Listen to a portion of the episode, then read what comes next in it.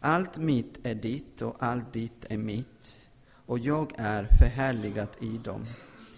Jag är inte längre kvar i världen, men de är kvar i världen när jag går till dig.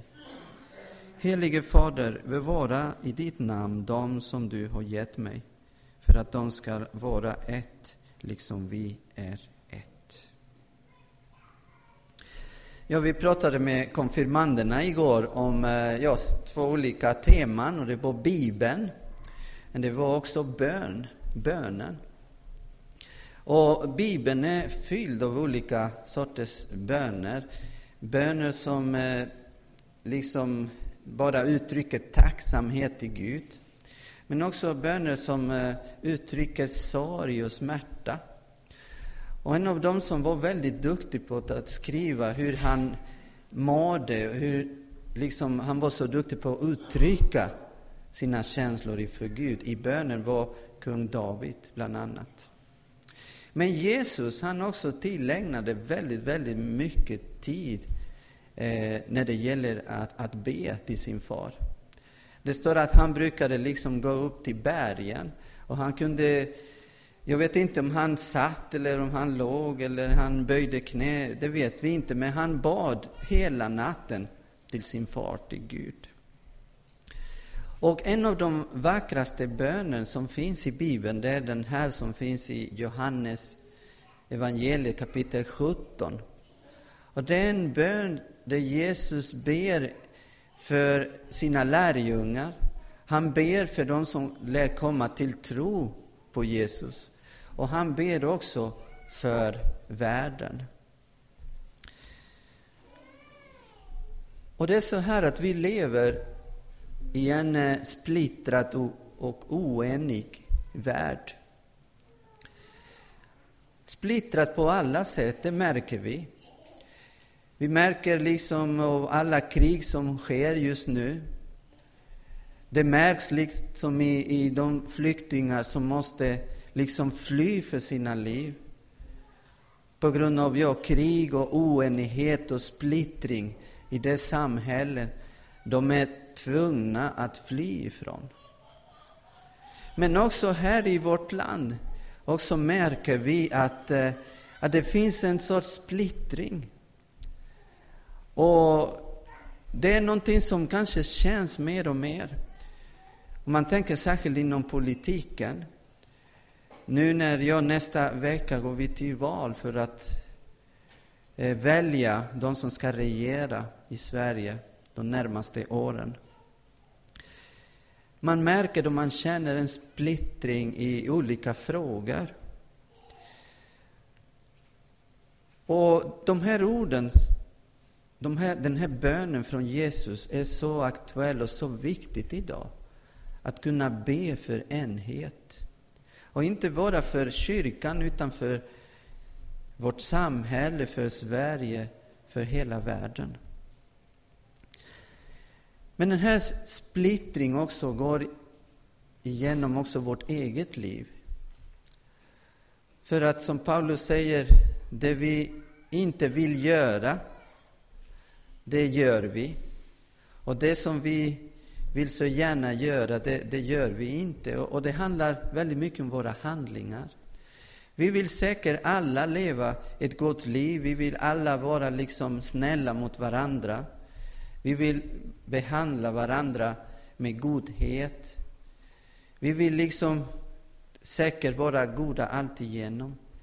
Men vi märker och vi vet att det är inte så i vårt eget liv. Och ibland gemenskapen med, med Gud och med, och med varandra, mellan människor, kan vara väldigt, väldigt svårt. Men mitt i all den här splittringen och oenigheten, Jesus kommer med de här orden när han ber till sin far. Och han ber för att vi ska vara enade. Och det finns en sån djup samhörighet och Jesus visar det mellan Jesus och sin far. Han säger allt är mitt och allt mitt är ditt. Och den här samhörigheten gör att den här relationen blir så djupt Och det blir också så viktigt också för oss i världen. Och eh, enighet, jag är övertygad om, en riktigt enighet, enhet, trots olika åsikter vi kan ha. Den egentliga djup, djupa enighet kan vi bara hitta i Jesus Kristus. Och det är det som är så fantastiskt med kristendomen. Det spelar ingen roll liksom var du kan befinna dig i världen. Om du hittar en församling, då vet du att du är hemma. Att du kommer att, att träffa, att möta syskon i Herren.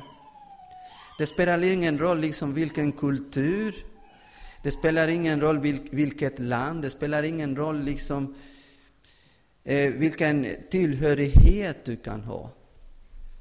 Vi är enade i Jesus. Och det tycker jag, som sagt, är så otroligt viktigt för oss, för oss kristna, mitt i den splittringen som sker i världen. Att genom Jesus och i Jesus kan vi vara enade. Och det gäller också att, att visa det. Det är inte så att vi tycker, alla, alla tycker likadant, för det gör vi inte. Men i de här olikheter kan vi vara enade, vi kan vara ett i Jesus. Men den här enigheten är inte någonting som vi själva skapar. Det handlar inte bara om vårt arbete, utan den handlar om en tredje person som nämns i Bibeln ofta och är den helige Ande. Vi kan inte vara enade för, bara för att vi vill, utan det är Guds helige Ande som gör detta möjligt. Den helige Ande som bor, som lever i varje troende, i varje kristen. Och vi alla, som sagt, är kallade och blir enade genom den helige Andens verk. Det är, det är enhet är inte någonting som vi själva skapar, utan vi är kallade att leva i den enheten som redan finns genom Fadern, Sonen och den helige Ande. Och Jesus Kristus dog på korset för att vi skulle bli enade, för att vårt liv också skulle vara en enhet. Trots den splittringen vi liksom kan känna inom oss många gånger. Och vi kan luta oss till det. Vi kan luta oss till honom och vara med i den här enhet som han erbjuder.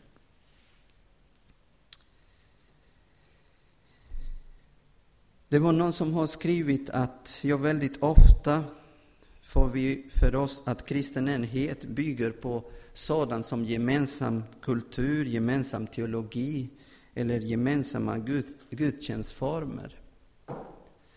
Och det här ska vi verkligen akta oss.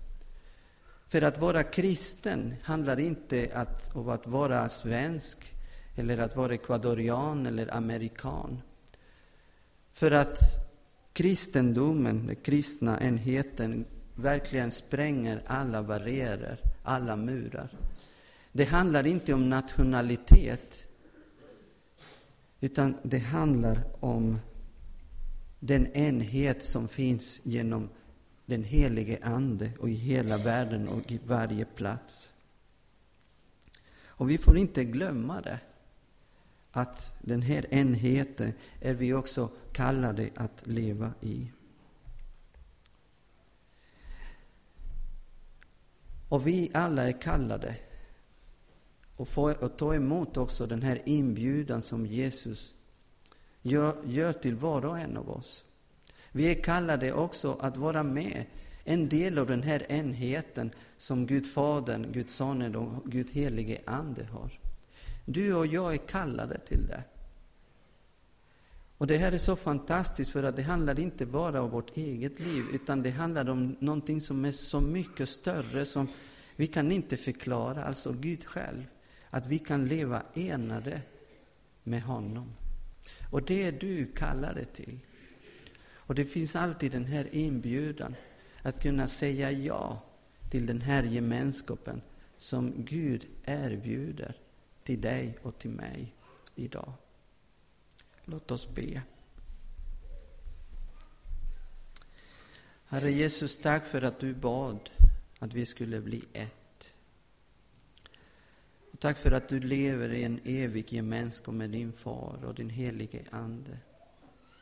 Men du vill inte lämna oss utanför, utan du kallar varje människa att kunna också vara en del av den gemenskapen som finns, Herre, i dig. Och Herre, och tack för att du dog för alla människor. För frälsningen räcker till alla människor. Det handlar inte om nationalitet eller kultur. Utan det handlar om alla människor. Och tack för den kristna kyrkan. Trots att ibland vi har haft oenighet, men ändå du har varit där och enat oss i den helige Ande.